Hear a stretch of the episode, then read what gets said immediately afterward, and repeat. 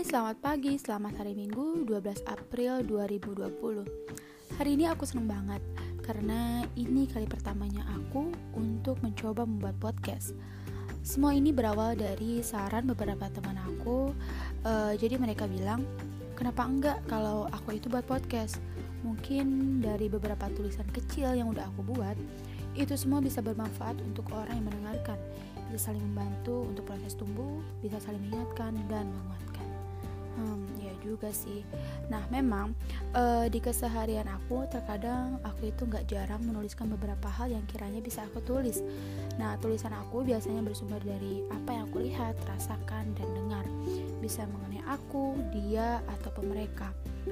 Um, aku ini sering banget dijadikan teman curhat oleh beberapa teman aku.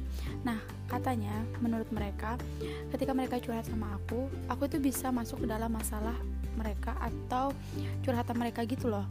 E, sering kali aku ngasih kata-kata bijak padahal sejujurnya aku itu bukan orang yang bijak-bijak banget gitu loh.